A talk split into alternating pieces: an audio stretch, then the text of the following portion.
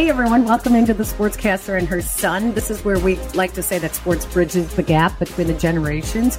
That's because if you look at us, the two co hosts, I'm the mom, I'm 60, and Jason is my son. Just about to say that you're 45. Uh, I know, I appreciate that. Um, I'm the 12 time Emmy Award winning sportscaster from Chicago. I work at ESPN Radio in Chicago. I am the host of the Chicago Bears postgame show and Peggy and Dion on Saturday mornings. I'm Jason. I'm 21 years old. I'm a senior here at the University of Texas. I'm the sports director of Texas Student Television. Recently have joined the Field of 68 Media Network as a co-host of Hook'em Hoops, brand new Texas basketball podcast. Be sure to check that out if you're into college basketball. Super happy to be on talking some baseball with you today, Mom. It's kind of a not so great time in Chicago sports, but we're going to make the most of it. I, I have to tell you, when the World Series was, was happening, I didn't watch any of it. I, I had been so turned off by baseball uh, the You last most of the month of the season. What's that? I said you and most of the country in terms of not watching the World Series. Yeah, exactly. So, you know, but lo and behold, while the South Side team is trying to I, I, rebuild, um, trying, they're, they're, they're changing the organization with a new general manager now. And, um, as, as they work towards that, out of the weeds came the Cubs with a shocking move, letting David Ross go and hiring Craig Counsell away from the Brewers. I mean, it's crazy. It is an absolutely shocking move, Mom. And to be honest with you, what was just as shocking as the move that the Cubs made to pry Craig Counsell from the Milwaukee Brewers is how much they're paying him. Craig Counsell is now the highest paid manager in Major League Baseball. This is without not just without a World Series ring, but without a World Series appearance. So even though Craig Counsell is so well accomplished and well regarded in Major League Baseball, it is a bit of a gamble for the Cubs, but a gamble that that you know they kind of needed to make. The big criticism down the stretch when the Cubs blew their shot at making the playoffs was some of the decisions that David Ross made, really put the Cubs in a tough spot. Craig Counsell has been applauded for his bullpen management and his in-game management. That was exactly what David Ross came up short in. Well, the Cubs came up short at the end of the season, and I think the fact that that at one point they had a very comfortable lead for the wild card, and that diminished in the final few weeks of the season. That alone, do you think opened the door for Cubs executives to start thinking about making a change? No, I'll be honest with you, Mom. I think that major league executives have been looking at the situation in Milwaukee for the last couple of years. Craig Counsell was not given a contract extension before this season. The Brewers are in a little bit of a money crunch. They have $100 million of stadium renovations that the MLB is demanding them to put through, and they just can't afford it. And so teams had been looking at this Brewers situation, looking at, hey, why aren't they extending Craig Counsell? He's one of the one of the best young managers in the sport. Craig Counsell ended up interviewing with Cleveland. He interviewed with the Mets. He interviewed again with Milwaukee and then interviewed with the Cubs. And none of us knew that he interviewed with the Cubs until they had hired him.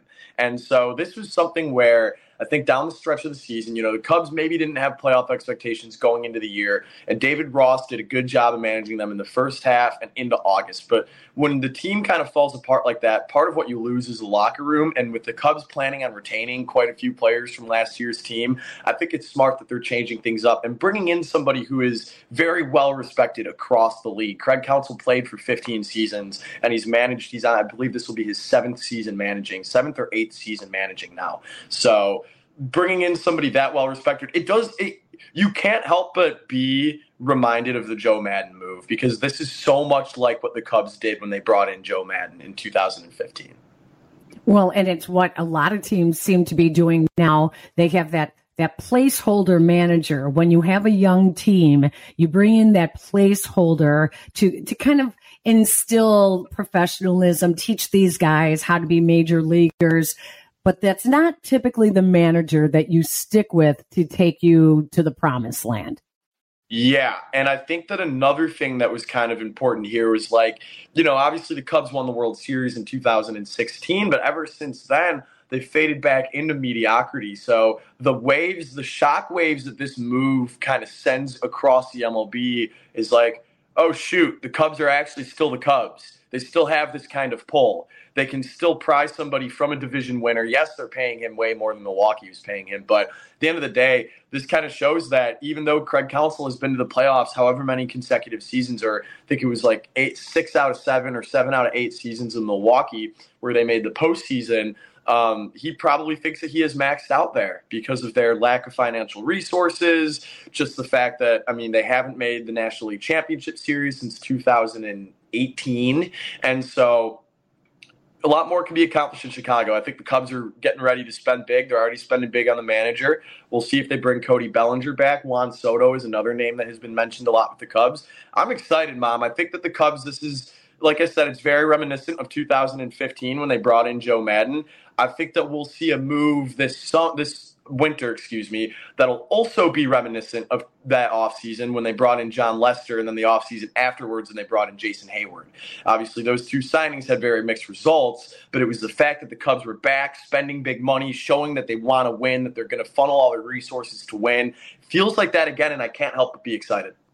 Everyone thought that it was a foregone conclusion that Craig Counsell was going to the Mets, that he was yeah. going to New York. They had the money to spend. They have an owner that's willing to spend the money. I thought it was interesting. The day that we are taping this uh, this show, this podcast episode, is the day that the Cubs introduced Craig Counsell to the media, and sure enough, Craig Counsell did talk about some of his questions for the Cubs and feeling them out was really what direction is this team headed and what is the financial stability and where is there room to spend? He literally asked, where is there room to spend? It's exactly what I was saying. The lack of financial resources in Milwaukee, it's something we don't talk about a whole lot in professional sports. But there are Major League Baseball teams who literally cannot spend. Look at Pittsburgh, look at Baltimore, look at Milwaukee. Somehow they have been able to make the postseason however many times in a row. But even a guy like Craig Counsell, who is such a he played he played in Milwaukee. You know, he has a ballpark. He's a little league ballpark in a neighborhood in Milwaukee named after him and he just must have felt that he didn't have the resources to win anymore. And I'm what I'm really curious about is I wonder if the Mets offered him more money because you know that the Mets could have. Steve Cohen is a guy who is not at all afraid to dip into his own pockets um, when it comes to spending on free agents and bringing in the right guys. And I, I'll, I'll be honest, the Mets, you know, the Cubs might might be closer to home for Craig Counsell, but the Mets is going to be a better situation because they have a top farm system in baseball. They're going to spend every single offseason, and he's going to make more money than he would anywhere else. So, what I'm curious about is, you know, you bring up the questions that Craig Counsell had that led him to Chicago, but what what are the answers that the Cubs gave that put them above New York and above returning to Milwaukee, other than the financials with between the Cubs and Milwaukee? That's what I'm really curious about.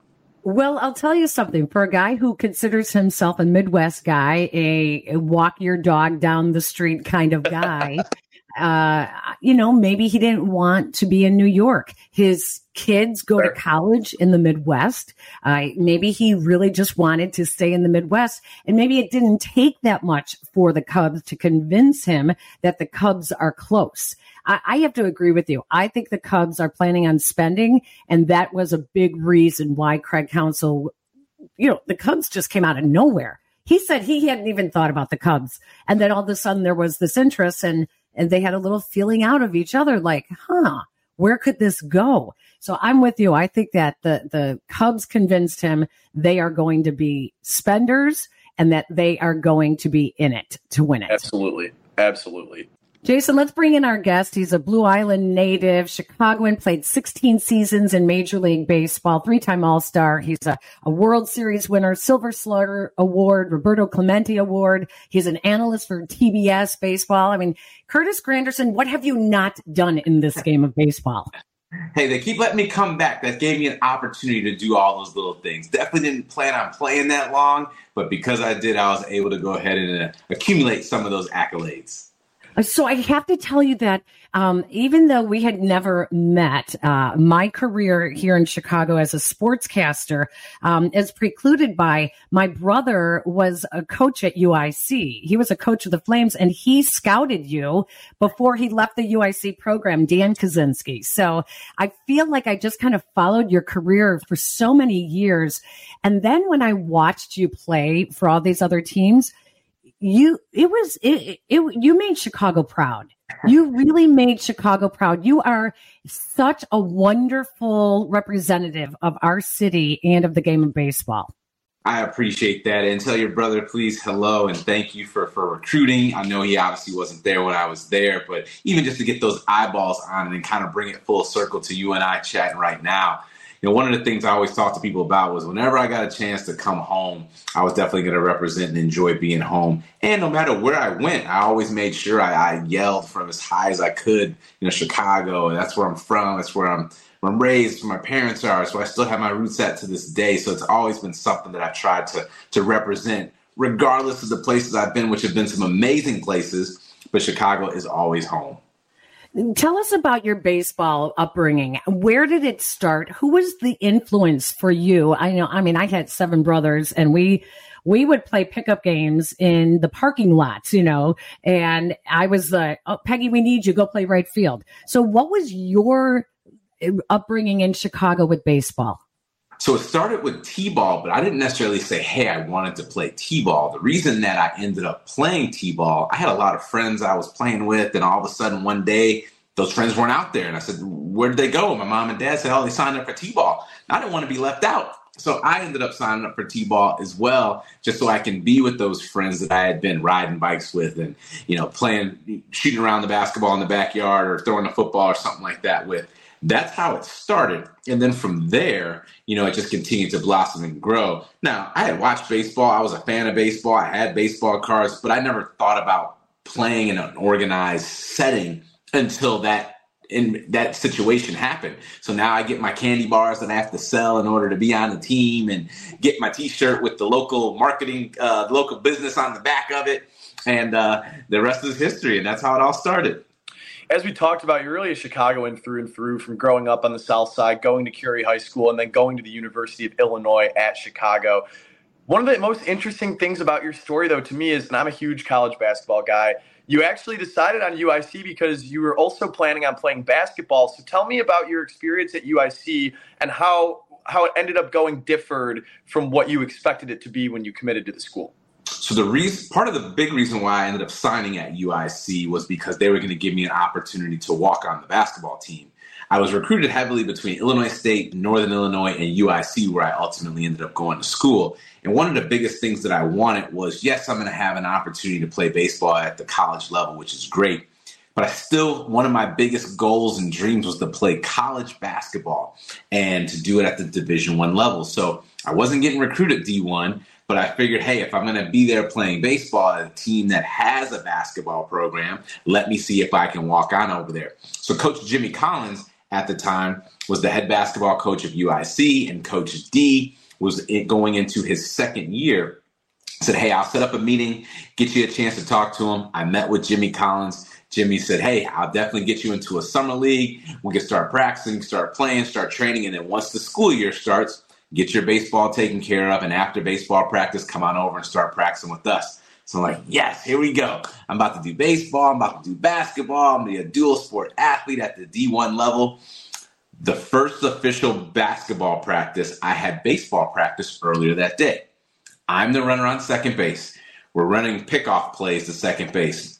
Pick off to second base. I slide back into the base. Shortstop falls on me. I get up to go and somehow I, I must have pushed down. I ended up tearing a ligament in my thumb. Took five steps, stopped. I said, "Ooh, that's not good," and that ended my basketball career. I said, "Well, can't make it to basketball practice." I walked in, told Jimmy Collins, had a little uh, kind of splint on my thumb, said, "I can't play. Thank you for the opportunity." But since I'm here on this baseball scholarship, let's see what happens. And that's how it all ended up happening. So that's as close as my basketball college wow. dreams came to to possibly coming true. But in reality, I was a much better baseball player than I was a basketball player. And UIC's basketball team at that time was really good. They went to the dance two yep. out of the four years I was there. Wow. One of our point guards, Martell Bailey, led the country yep. in assists back to back years. And Cedric, uh, Cedric Banks, our shooting guard, is the all time leading scorer. So I wasn't going to play over them, but I just wanted to be on the team. And I got close, but that's as far as it, as far as it went. You mentioned some of those great names in UIC basketball history. Well, at the same time at the school, you became arguably the greatest name in UIC baseball history. So much so that you ended up coming back to the school, got your degree, helped fund the baseball field, and now the field is named after you. What does it mean to have a legacy at your alma mater that is synonymous with the baseball program there? It, it's so cool. And, you know, going back to the degree part of it, it was one of the things that a lot of my teammates in the minor leagues would always talk to me about because when I got drafted, I was a junior. So I still had a year and a half left of school left. And I told the Detroit Tigers at that time, hey, you know, I'm still going to try to finish. So they have what they put a lot of minor league players in. It's called instructional league. They send you there at the end of your first minor league season to get you a little bit more instruction, whether it's a new position, a new stance, uh, whatever it happens to be. I said, well, I'm not going instruction league the first year. I'm already set to go back to school. Is it okay if I miss and go the next year? So Tiger said, okay. Now, while I'm in school, I'm still also playing my minor league season. And one of my final classes that I had to take in order to graduate, I had to go to my manager's office. I had to sit in front of them, take the test to make sure I didn't cheat. He signed off on it. I FedExed it in back to the school, got the grade, got emailed if I passed or failed the class. And that's how I ended up getting on path to continue to graduate on time with my class. And the number of teammates were like, How are you going to school? How are you doing this? But communication and trans- transparency was key. I just kept talking to my professors. I kept talking to the Tigers. I kept talking to my College of Business. And that allowed me an opportunity to do it. So then, fast forward, I get a chance to make it to the major leagues and we have an opportunity to grow the stadium. So I said, all right, yeah, let's go ahead and do something big here. And we got the stadium built. And almost 10 years ago. It was 2014 mm-hmm. as when we opened up the stadium. So uh, next year will be the 10 year anniversary of the stadium opening. And I still can't call it my name. Everyone always goes, "Hey, are we going to Granderson Stadium?" I call it CG Stadium because I can't Aww. say my name when I when I'm talking about it. But I love being out there and I love bragging that we have the best view in all of baseball. Really quick, I want to say because Curtis Granderson Field seems to pop up on Twitter and Instagram every year when baseball season rolls around. Like, oh, look at the skyline, such a beautiful field. When you were playing, did you yourself ever take some batting practice there, and try to hit some bombs into the Chicago skyline? You know what's crazy? The, the the one thing that really stands out about the skyline part of it is the year I got drafted, 2002. Rewind back to that fall. That's September 11, 2001. So if you remember, that happened at around like 9, 10 in the morning that day, mm-hmm. Chicago time. we still had practice schedules. So schools are getting canceled, people are getting sent home, but we were still going. And if you remember back then, a lot of planes would fly into O'Hare and they would wrap around the Sears Tower and then go in. And if prior to that, it's like, oh, it's going to hit the building. Oh, no, it didn't, right? Like that was just a joke that you would always have, especially being on the field. Well, now it's three o'clock in the afternoon after this historic event just happened. Planes are still in the air because they haven't made it to their destination. And here they come. And every time, like it's batting practice or a pitch or a ground ball, this plane would come. We would stop and look and go, "Is this it? Is this it?" And mm. sure enough, the plane would go around. Like it was a crazy scenario to be in, but the view was right there, so we were watching it literally every ten or mm. fifteen minutes. We were stopping. Okay, all right. Whew. Because I mean, mm. you know, remember back to that moment in time, it was just a crazy place to be. Yeah. Wow. Well, Jason went to school at St. Ignatius. His sister goes to school at St. Ignatius. We drive by Curtis Granderson Field all the time. And it's just so cool to have that legacy because like my daughter even asked me, she said, who is that? And I said, Oh, one of the, the, great baseball player from Chicago chose to go to UIC. He said he's just a great representative of the city. It's really cool to have that legacy passed down and have people ask who it is, you know, forever they'll be asking that and and people will talk about you. So it's really it's really cool. Yeah, it's so cool. And we get a chance to get a lot of people on the field in a number of different ways, whether it's the UIC baseball team, any of the other athletic programs that want to practice there, plus a lot of the kids in the community and different events that just happen to go there. I like to have meetings there in the suite if I get an opportunity to do it, because if I'm going to close a deal, I just tell them to look out the window real quick and go, this could all be yours. See those buildings, and see that skyline? This is part of the package. So we try to utilize that as best we can. And Curtis, one of those programs that uh, you're talking about is the Chicago Baseball and Educational Academy that you have started. Tell us about this program in growing the game of baseball for kids in Chicago.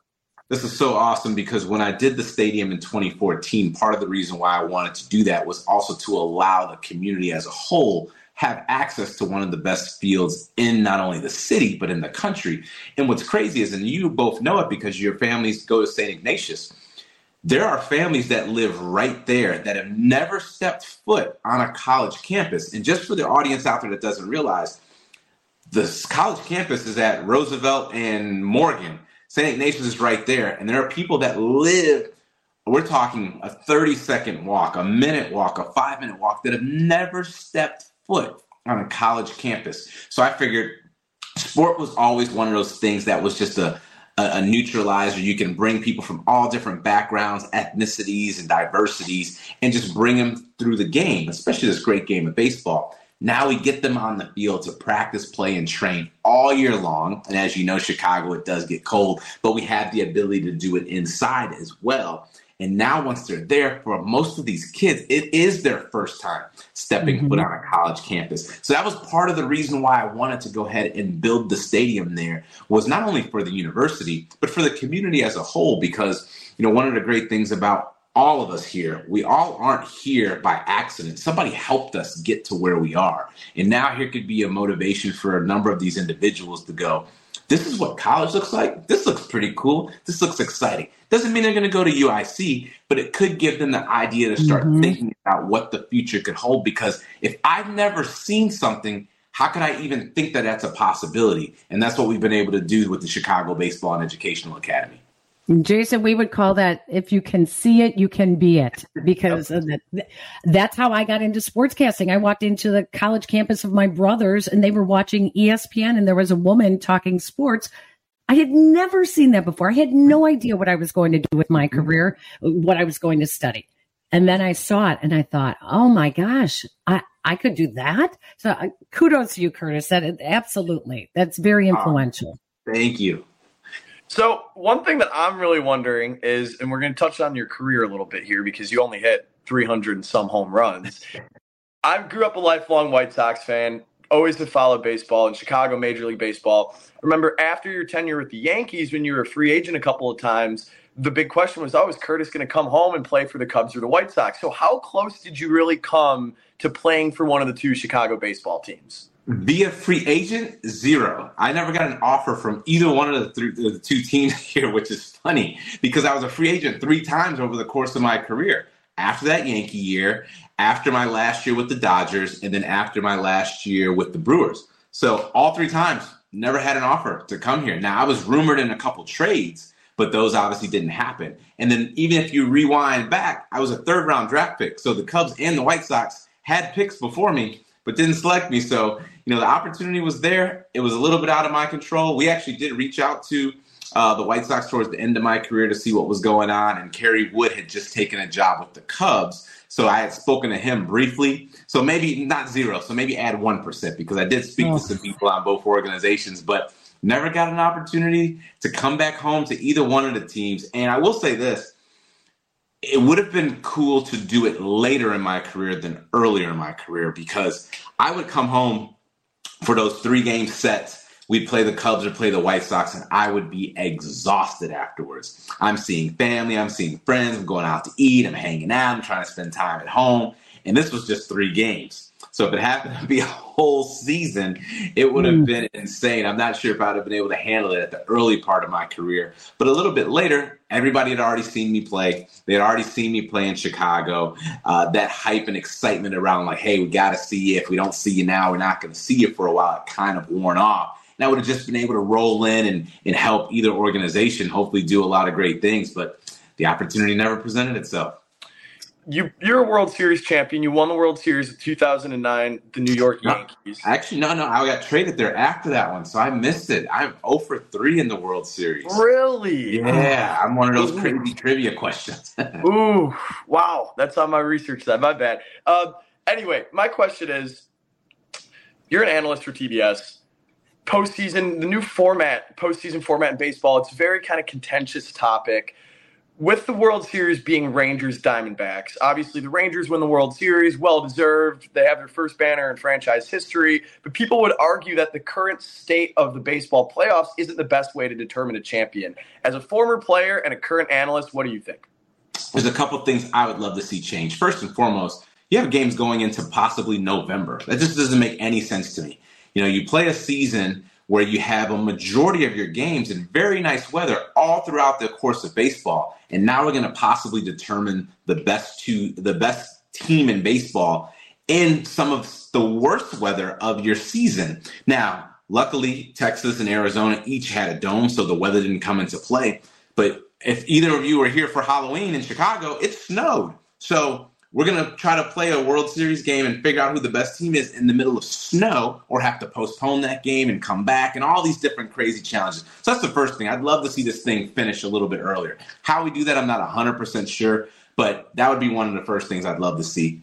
The second thing, baseball is one of those most most interesting sports where time off does not do you very well, especially from an offensive standpoint. And I can speak from this from example. In 2006, with the Detroit Tigers, we had beat the Yankees, who nobody expected us to beat. We swept the Oakland A's, and then we sat for six days or seven days, I think it was. And then we ended up losing to the St. Louis Cardinals, a team that we had swept during the regular season. Now, when you look at what happened in that game, we didn't hit to save a lick, and we had hitters on our team. Hall of Famer Pudge Rodriguez, Magglio Ordonez would have a batting title. Placido Polanco would multiple times get 200 plus hits in a season, and we couldn't hit to save our life, partly because of all those days off. Now, the pitching side of it still kind of holds true, and you see that happen. But now let's fast forward to where we are in the 2023 postseason. We see the Braves, one of the best offseason, or best offenses ever put together can't get it going offensively. The Dodgers, second best, can't get it going offensively. The Orioles can't get it going offensively.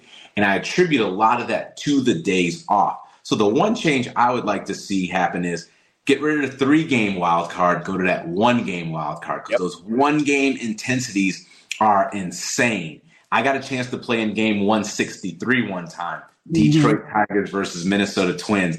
And I say by far that was the most intense, exciting, fun, crazy game I had ever been a part of. Winner, go home. And then you start things up. Now you just bump all those teams that have won, they start to play a little bit earlier. And you make that first series a seven game series versus a five game series if you want more games. And now all of a sudden, you still be right at the exact same spot. Because if you look at the National League, for example, not only did the Braves and the Dodgers each have all that time off, they played that Saturday. They were off on Sunday. They played on Monday. They were off on Tuesday. So in a matter of 10 days, they only played two times. So it is definitely hard in those scenarios to get it going offensively. So those would be some of the changes that I'd like to see happen. Your postseason experience 57 postseason games, 10 in the World Series. Curtis, one of the things that stands out about you, not just uh, the complete player that you were, uh, but the presence and the leadership that you bring to a clubhouse. It's something that I thought last year the White Sox were sorely, sorely missing. They had no leadership in, in their clubhouse. Um, the Cubs had the postseason players who had brought that experience, but you know, they fell short skill wise, pitching wise, whatever. So put your analyst hat on White Sox and Cubs, what do you see as what their needs are to become a postseason team long into the postseason? Well, I think there's a couple things that that factor into this, and I like a balance of everything you have going on. Analytics is the topic of conversation. You either love it or you hate it, but it is there regardless of what has happened. Now let's look at the teams that won. Bruce Bochy, somebody that won three World Series prior to winning this year based off of understanding the game, playing the game, utilizing some of the analytics, but really going off a feel. Last year, Dusty Baker, very similar scenario situation. So I think you need a combination of the two where you do have experience it could either be from the manager, it could be from your players, it can be from the front office, but you need a level of experience. And what's crazy is because the average age in Major League Baseball is getting lower and lower and lower, that person who has the experience or who is the quote unquote veteran is now not necessarily realizing that they are the veteran. Because mm. I played every year with 40 year old teammates Andy Pettitte, Bartolo Colon, Kenny Rogers, Gary Sheffield, just to name a few.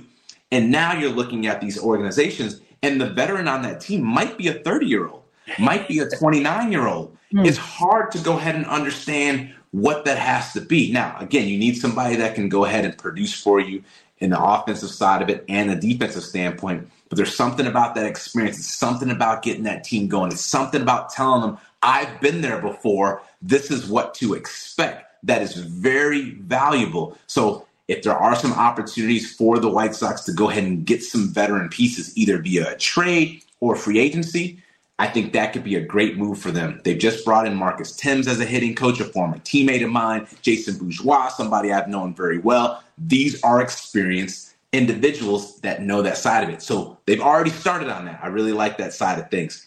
From the Cubs standpoint, very similar.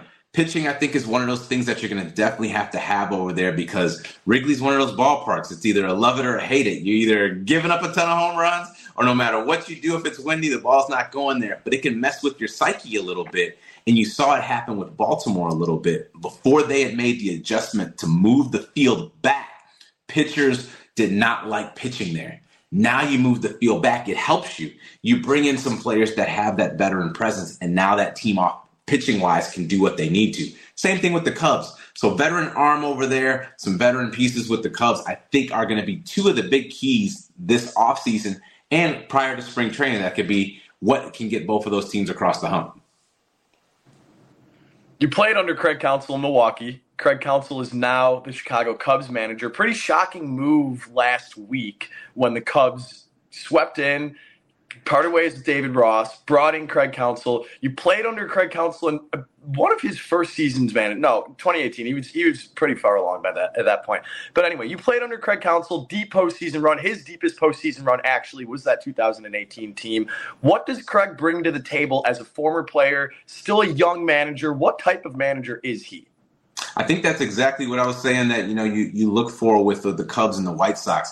He's not only been there from a player union representative side, so he knows what those players are going through and fighting for and trying to make sure that their scenario and situation is as best as it can be, but also somebody that has played. Not only has he played, but he's had success coaching it, being around it, winning. All those different things are just intangibles you can't replace. It doesn't matter what the analytics look like. He brings all those because he did it. He's lived it. He can experience. He can talk about it. He may be somebody that isn't always going to be the person to yell at you. But at this point in time, you don't necessarily need to get yelled at too much, but you need to know what you need to do to get yourself ready. And that's what Counsell does, not only with he himself, but the team he surrounds himself with. So that's going to be one of the exciting things to have for him that not only does he bring in someone who's been in the division, who knows exactly what to expect with this market because he's come in as the opposition, but he's also seen that fan base drive to Milwaukee and fill up the ballpark up there in those Cubs uniforms. So he's very familiar with all those things.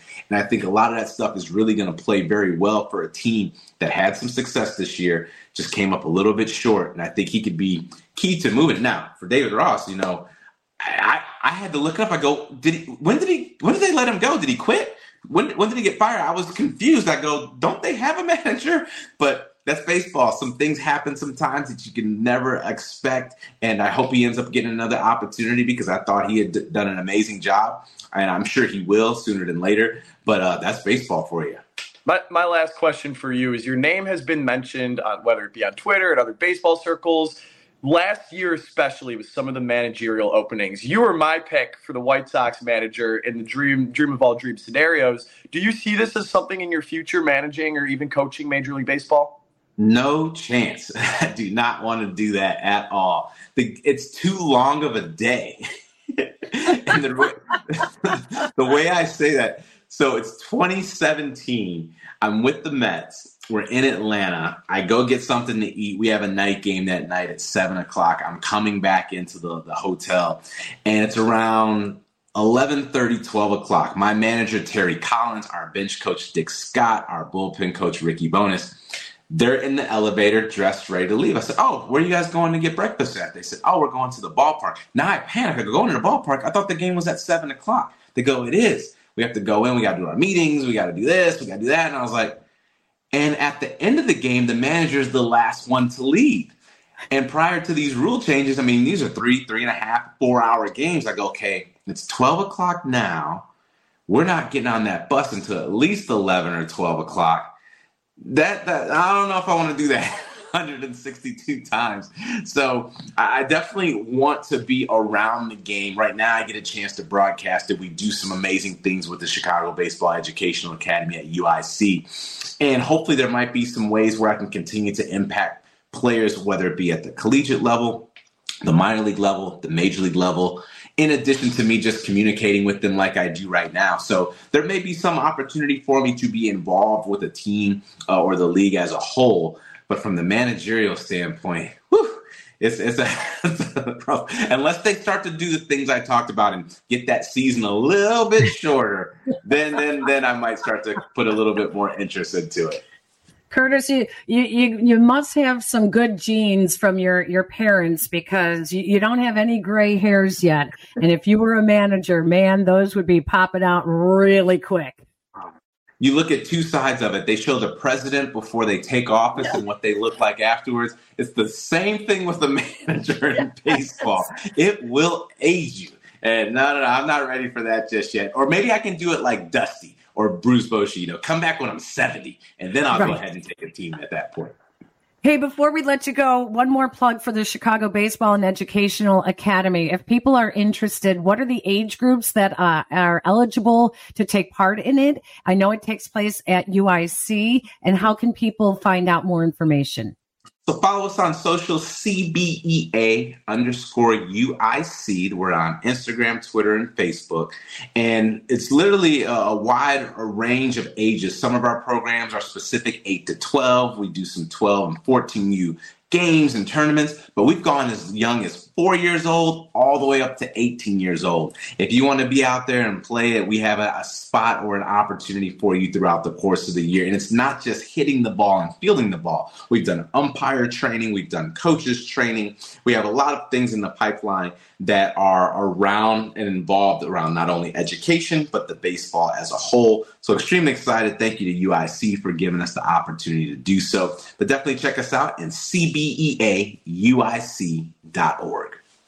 Curtis, you're the best, man. I owe you dinner at Chez Joel over in Little Italy. Anytime uh, you're back in that neighborhood, and I'm there all the time taking my daughter to school and hanging out, uh, dinner's on me. Thank you so much for taking the time.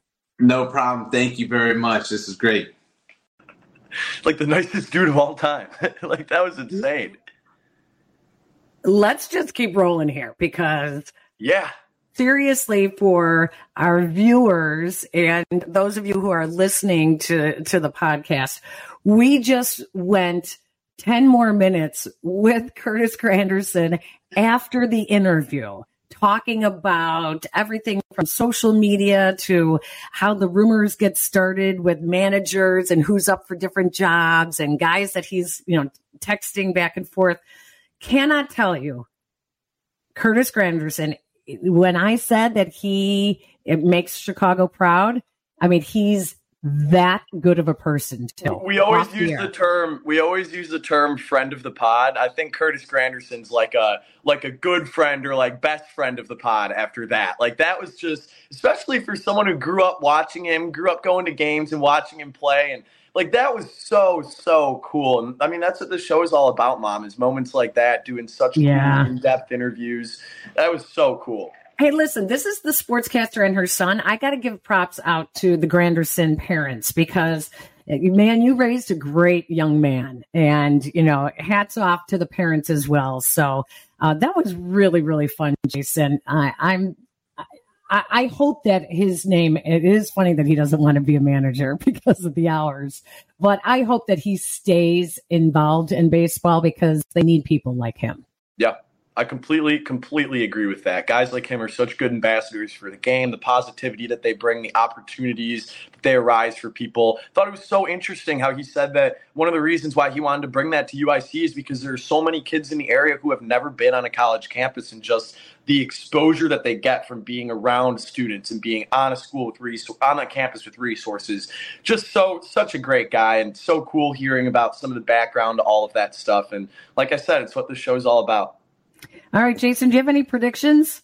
I always have predictions, Bob. So my first one is going to be Cubs related. Of course, we said that they're going to spend some money this offseason. I think they've got another shocker up their sleeve. Now, I'm not talking a Shohei Ohtani shocker, but I am staying on the eastern part of the world. Say hello to who I think will be the newest ace of the Chicago Cubs, Yoshinobu Yamamoto, the top free agent from Japan. He is expected to fetch a nine figure contract.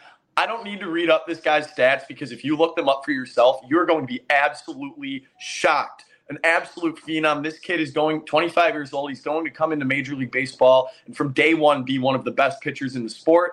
All the big hitters are interested here the Yankees, the Mets, the Dodgers, the Cubs. Cubs shocked us a couple of weeks ago, last week with bringing in Craig Counsell. I think they have another shocker up their sleeve. They've been linked to Yamamoto, but everyone thinks it'll be the Dodgers or the Yankees. I've got the Cubs here. I think that the Cubs have their new ace.